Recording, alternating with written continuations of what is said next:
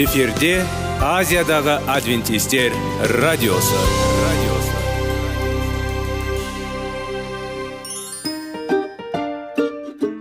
сәлем достар. Денсаулық өмір бұлағы және біздің бірінші байлығымыз демекші денсаулық сағаты рубрикасына қош келдіңіздер. Бір кісінің ауырғанын айтқысы келмесе де ол онсыз да көрініп түсінікті болады. Өйткені ауырғанда жанымыз қиналғаны кейде соншалық сол үшін дәрі алуға қарағанда мұның бәрін алдын ала алу жақсы емес пе?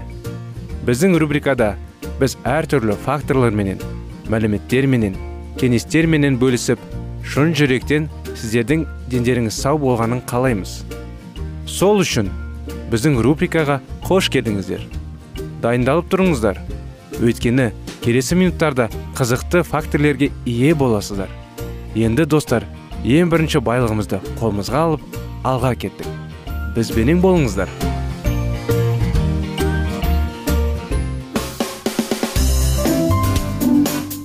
Денсаулық туралы хабар. Денсаулықтың ашылуы. Күн сайын сөз үшін күшті кеңестер соңғы жаңалықтар қызықты факторлар біздің рубрикада.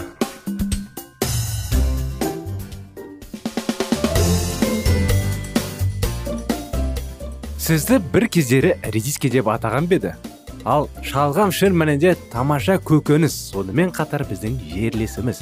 Сонымен қатар өте пайдалы. Бүгін шалғамда өзіңіз үшін төтеп беру мүмкіндігі болады. Сондықтан оны таңғажайып қасиеттері сізге пайда әкелетін үшін мұқият болыңыз. Шалғам көп адамдарға бұл ат таныс көп адамдарға таныс емес. Сондықтан шалғам орысша айтқанда редис немесе редиска дейді ғой. Оның тарихы. Редистің отаны орта азия болып саналады.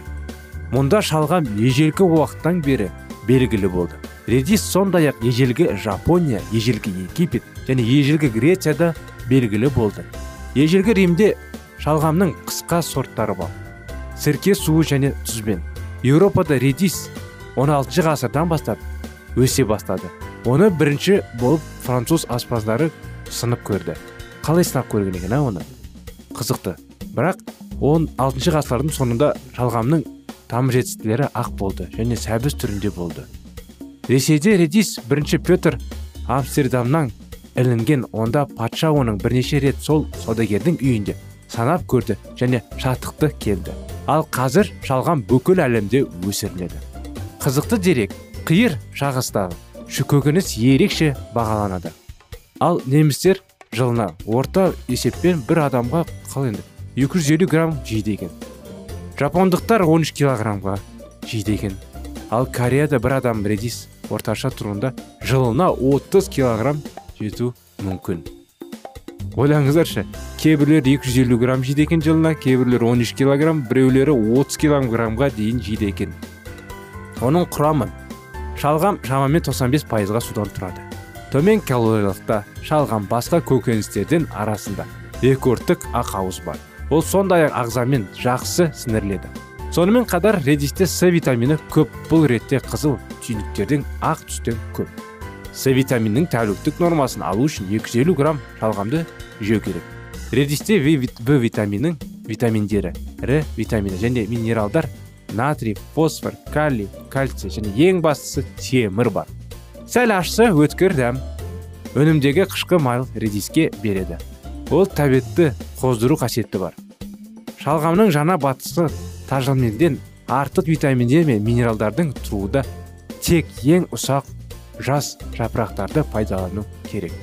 Шалғамның клетчаткасының арқасында қандағы зиянды холестерин деңгейін төмендетеді. Ағзадан ауыттар шығарады. Шалғамда және ерекше заттар фитонцидтер бар табиғи антибиотиктер. Сондықтан өткір әуесқойлары суық және қабыну ауруларын болдырмау мүмкіндігі бар. Шалғамда қандағы қан деңгейін тұрақтардан заттар бар. Сондықтан егер сізде диабет немесе осы ауруға бейімділік болса мүмкіндігінше көп шалғамды жеп қойыңыз. Пайдалы қасиеттері. Пайдалы қасиеттерді шалғамда қолдану перисталтиканың дейді ғой қалыпқа келтіреді. Бет түсін жақсартуға холестерин деңгейіне төмендетуіне ықпал етеді. Зат алмасуды белсендіреді тамыр қабырғаларының именділігін арттырады. Осылайша жүрек қан тамыр жүйесінің қызметін жақсартады. Шалғамды қарсы өт айдайтын қасиеттерге ие. Қызару қант диабеті және семіздік кезінде пайдалы. Жүктілік кезінде шалғамның өте үлкен пайдасы. Ондағы фолий қышқылы мен кальций ұрықтың сүйек болшақ ет және жүйке жүйесінің дұрыс қалыптасуына ықпал етеді. Ал болашақ ананы шалғам ісінуден құтқарады. Шалғамның қарсы көрсеткіштері гастрит және асқазан жарасы бар адамдарға қатысты. Көкөніс және қалқанша безіп қиындықшар бар адамдарға. Сондай ақ инфаркт пен инсульттің кейінгі алғашқы уақытта ұсынылмады.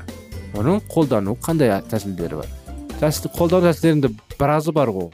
Оның енді халықта қолданылатыны енді тағамдарда қандай тағам қосуға болады? Көп тағам жайлы білмеймін мысалы мен. Бір ақ тағамды білемін жазда істейтін салқын суық болып әдемі ғажайып қылып жейтін ол окрошкаға қосылатын сондай тағамды ғана білемін. Бірақ күрөзін қандай да овощиларға қосады ғой жемістерге. Шөп шаланың арасында тағамда тамақ жеген алдында оны жеп майдалап турап па. Оның енді кейбір адамдарға дәмі ұнайды кейбіреулерге ұнамайды неліктен. Кейбіреулер енді қышқылдау болады кейбіреулер дәмі дұрыс болады. Қалай өскеніне байланысты ғой шалғам сонымен кеше шалғам жеке жейді. Қызыл шалғам салатқа жарқын нотаны қасады. Оның дәмді дәмі тәбет тудырады. Жаңа піскен шалғам тұз май тамшы және қара нан тамаша тағамдар. Дегенмен әрине кулинарияда редис күрделі нұсқаларда қолданылады. Ол кез келген көкөністермен жасыл және жұмыртқалармен үйлеседі. Біз тіпті шалғамсыз сүйікті күні қиын жаңағы айта кеткендей ғой. Сол ғой. Олсыз қалай ол болады? Ол да бір дәмді беріп келістіреді. Сонымен ғажайып әлем бізді қоршайды. Табиғат бізге ғажайып дәм мен сезім сыйлайды. Және шалған бұл шын мәнінде қайталанбас нәрсе. Сондықтан келесі жолы базарда болған кезде сөрден өтпеңіз. Ол өзімен бірге басқа әдемі шалғанды алыңыз. Ол сізге дәм өткір сезім мен мықты денсаулық сыйлайды достар. Мінекей кеңестің бәрі сіздерге беріліп отыр. Кеңестің бәрі сізге айтылып отыр. Кеңестің бәрін сіз тыңдап отырсыз иә? Сондықтан өзіңізге бір рет бір бағдарламаның бірінде айтқан едім өзіңізге тізім істеңіз. Бірақ тізімде өзіңіз қандай жеміс жидектерді қайсысын бірінші жегіңіз келеді қайсы екінші жегіңіз қайсы бір өзіңе бір график істеп қойыңыз тізім. Және де жүкті әйелдерге. Біздің бағдарламада жаңағы денсаулық жайлы жүкті әйелдерге де біраз кеңестер кездесіп жатыр ғой жаңағыда байқадыңыздар. Жүкті әйелге көмектеседі екен. Сон, сондай нәрселерді ұмытпай жазып отырыңыздар. Керек нәрселерді әрдайым жазып хабарлап тұрыңыздар. Сонымен бізбен болғаныңызға рахмет достар. Дос, денсаулықтарыңыз мықты болсын. Рахмет сіздерге бізбен болғандарыңызға.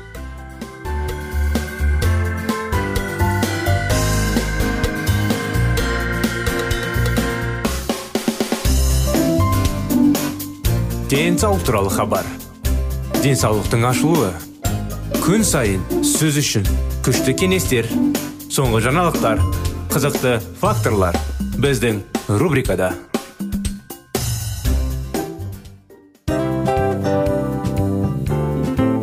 Әуелі байлық денсаулық екінші байлық он саулық үшінші байлық ақ жаулық. Ал енді осындай радио парақшадан кейін не дейміз? Барлықтарыңызға денсаулықтарыңыз зор болсын деп тілейміз. Денсаулықтың өзгеруі кішкентай нәрселерден басталады. Осымен біз берген кеңестер мен мәліметтер шын жүректен сіздер үшін қандай да бір болсын жәрдем берді деп үміттенеміз. Тыңдаушыларымызбен келесі радио парақшасына дейін қоштассамыз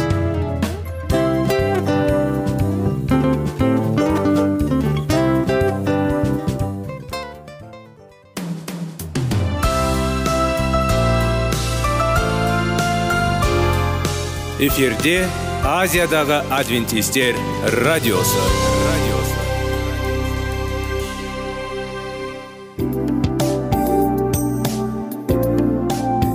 Сәлем достар. Барлықтарыңызға біздің сүйікті шын жүректен сөйлесейік рубрикасына қош келдіңіздер деп айтпақшымыз. Негізі шын жүректен сөйлесейік рубрикамызда не жөнінде айтамыз?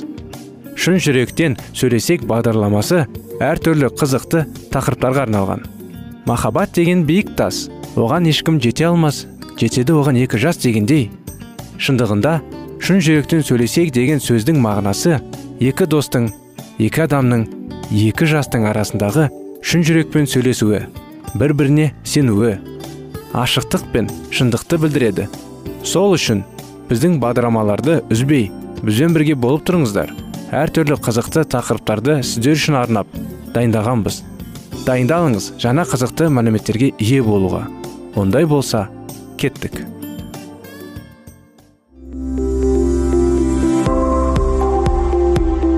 Алтын сөздер. Сырласу. Қарым қатынас жайлы кеңестер мен қызықты тақырыптар. Шын жүректен сөйлесейік рубрикасында.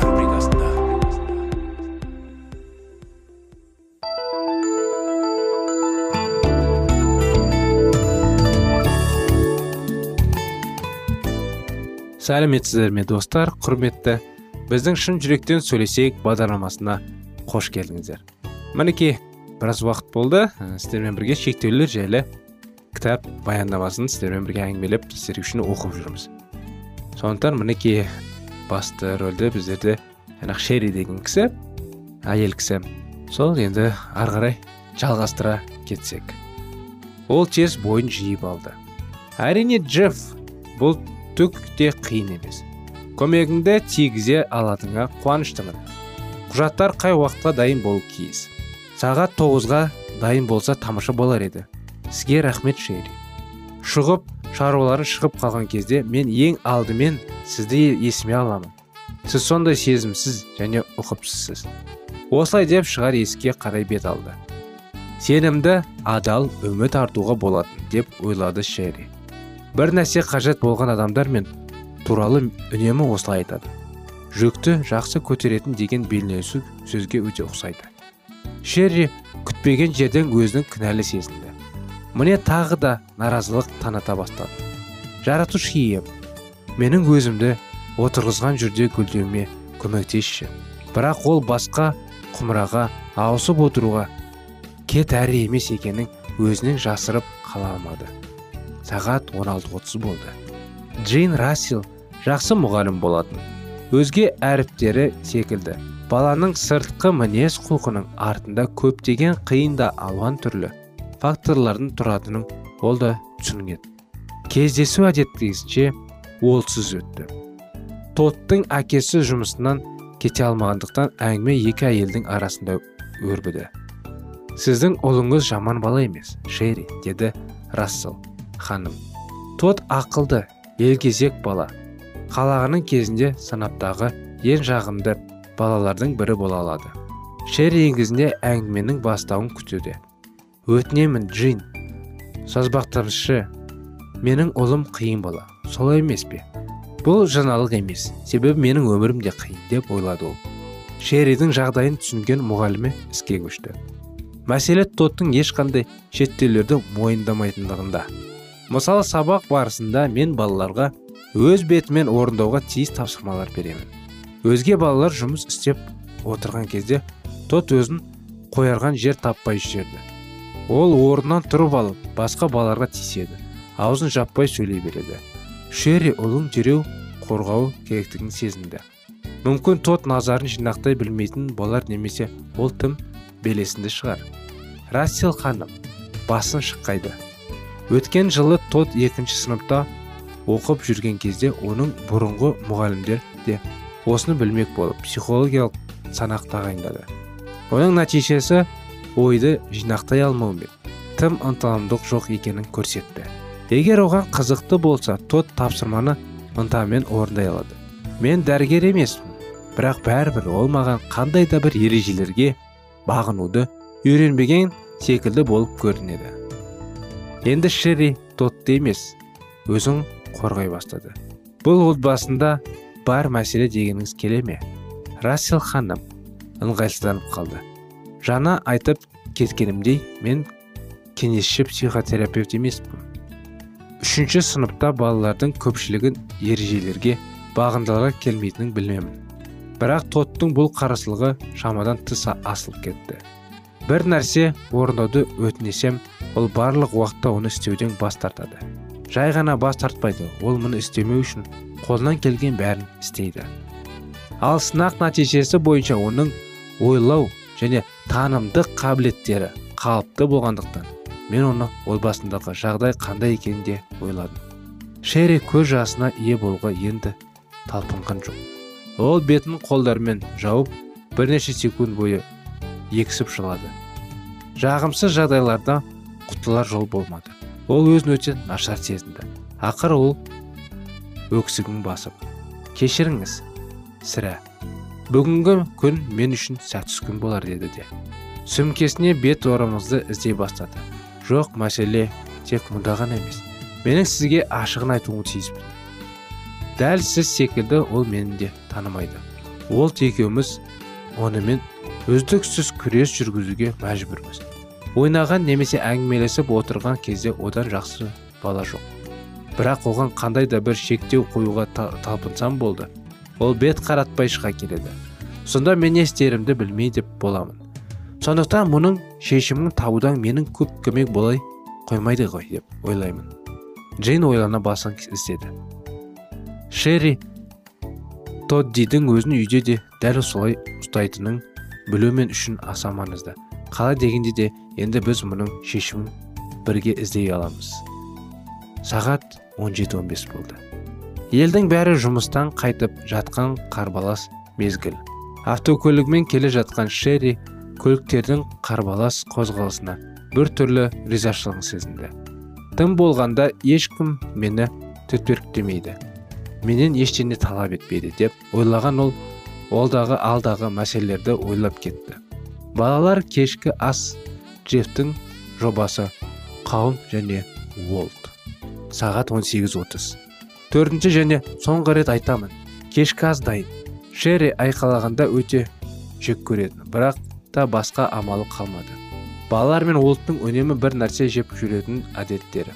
Олардың кешкі ас суып қалмай тұрып үстел басына жиналған кездері өте сирек. Шерри мұның шешімін таба алмай басын қатыратын. Мәселенің тамақта емес екені ал анық білетін себебі ол тағамды өте дәмді дайындайды. Бұған қоса ақыры үстел басына жиналған кезде олар тамақты түк қалдырмай жеп қоятын эмиден басқа қызының тағамды үнсіз тиіп қашып қана жеп отырғанын көрген шерри тағы мазасына бастады. Эми сондай сүйкімді сондай сезімді қыз. Мінекей достар оқиға бүгінге осылай. Бағдарламаның аяғында сіздерге келесі жолы әрине уәде береміз бұның жалғасы жалғасады деп. Рахмет бізбен болдырғандарыңызға сау болыңыздар.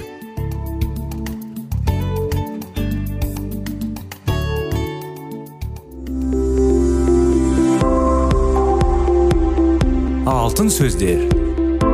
Сырласу. Қарым қатынас жайлы кеңестер мен қызықты тақырыптар. Шын жүректен сөйлесейік рубрикасында.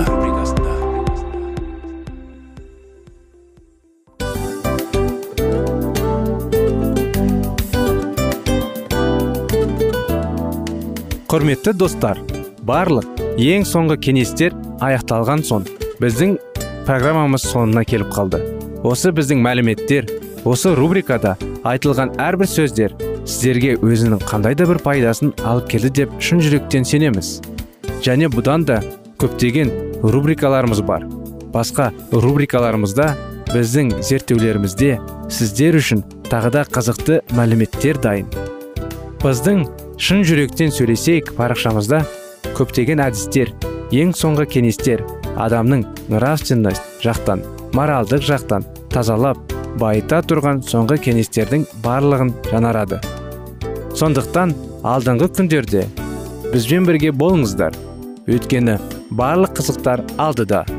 Бізбенен бірге болғандарыңызға үлкен рахмет. Келесі кездескенімізше сау сәлемет болыңыздар.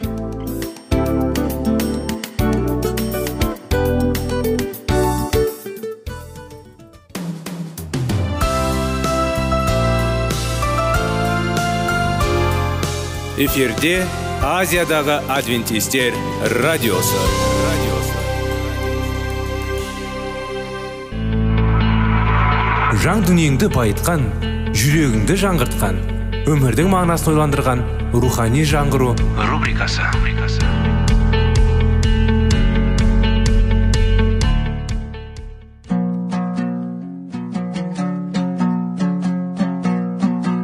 Ассалаумағалейкум біздің тыңдаушыларымыз келі кітаптың шындығын ашып берген қысқа бағдарламасына қош келдіңіздер.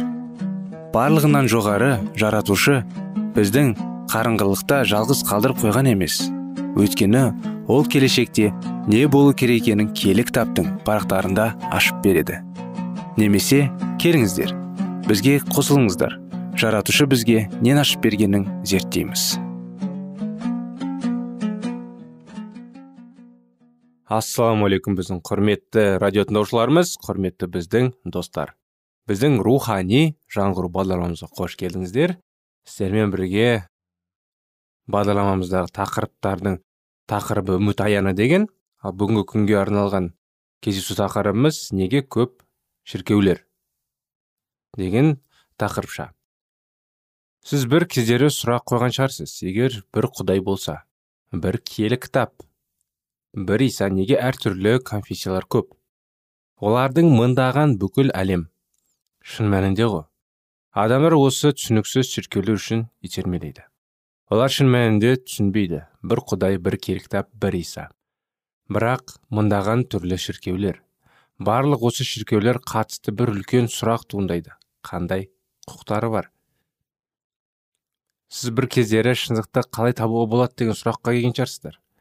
Міне құпиясы шындықты бар екенін анықтау үшін шіркеуге баруға қажеті жоқ. Шындықты іздеу үшін киелі кітаптан бастау керек. Киелі кітапқа жүгініңіз. Содан кейін киелі кітаппен келісімді үйрететін шіркеуді іздеңіз. Киелі кітаппен сәйкес келетін киелі кітаптың сөздерімен жүретін шіркеу оның адамдарын соны іздеңіз.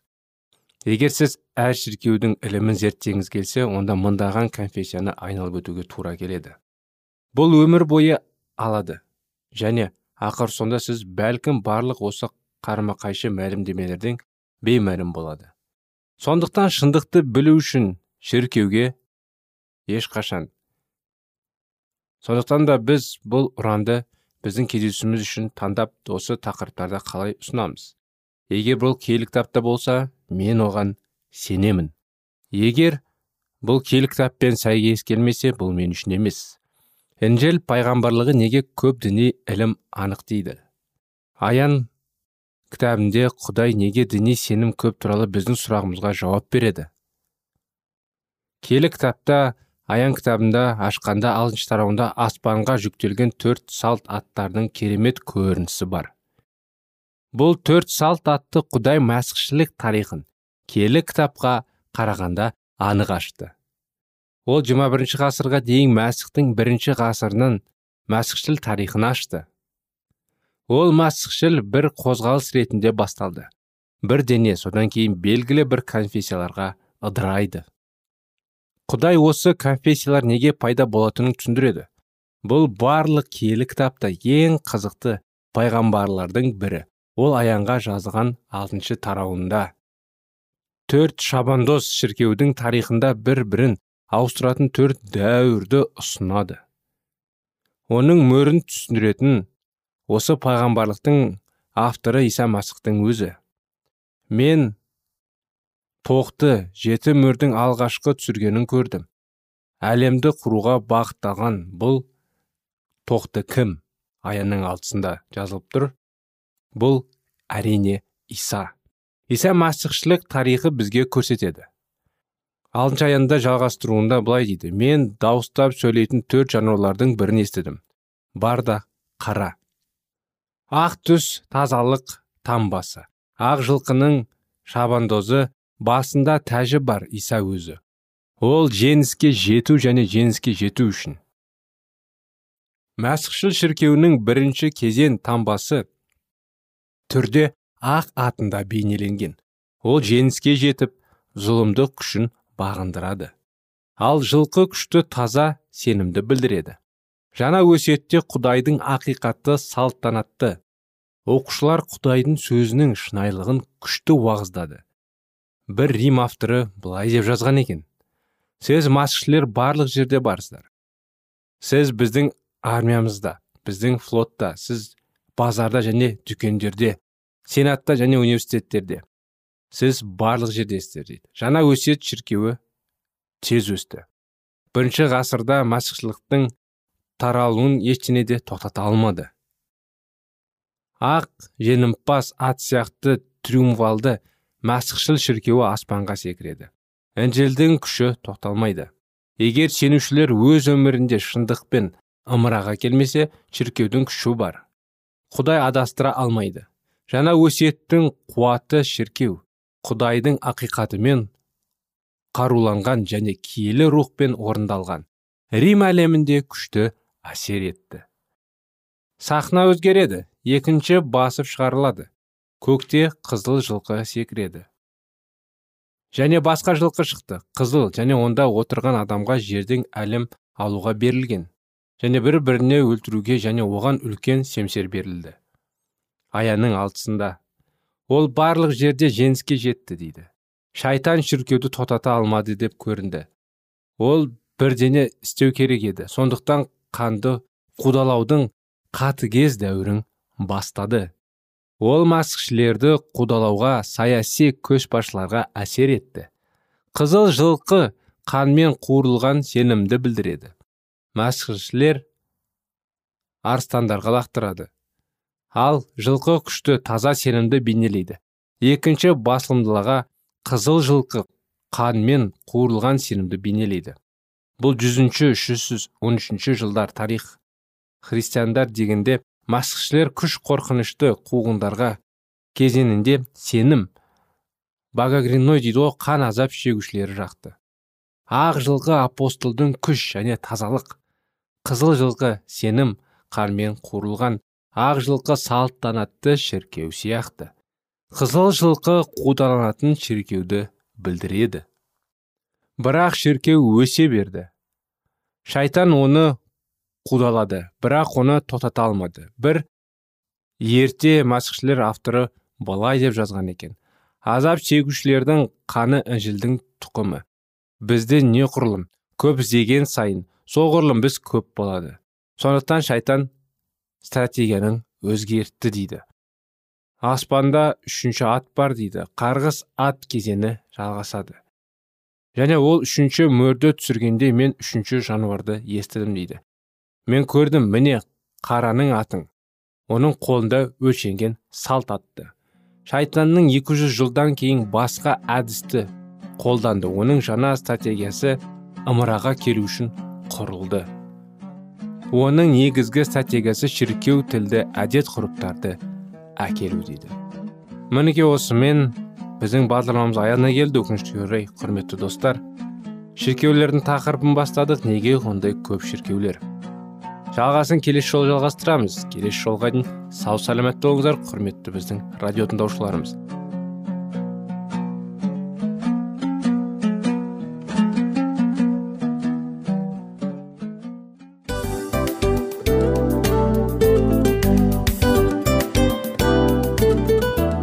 осымен достар программамыздың зерттеуіміздің ең қайғылы минутына жеттік. Қайғылы дегенде бағдарламамыз тез арада өтті де кетті. Соған көңіліміз деп тұр. Жарайды қайғыны қояйық бүгінгі 24 сағаттың алтындай жарты сағатын бізге бөліп арнағаныңыз үшін рахмет. Егер де өткен сфераларда пайдалы кеңес алған болсаңыз біз өзіміздің мақсатымызға жеткеніміз. Тыңдаушыларымызбен қоштасу уақыты келді. Келесі кездесулерді сағынышпен күтеміз. Жарты сағатты кездесуіміз көз ашып шапқанша дем арасында өтіп кетті. Бірақ бізде жақсы хабар бар. Келесі зерттеулерімізде сөзсіз кездесеміз. Өйткені көптеген сюрприздер қызықты мәліметтерді және керекті нәрселерді көбін дайындадық. Бүгінгі күндеріңіз өзгеше позитивті болсын. Жақындарыңыз аман есен болсын деп тілейміз. Жаратқан ие барлықтарыңызға батасын берсін. Істеген істеріңіз игілікті болсын. Келесі кездескенше сау саламат болыңыздар.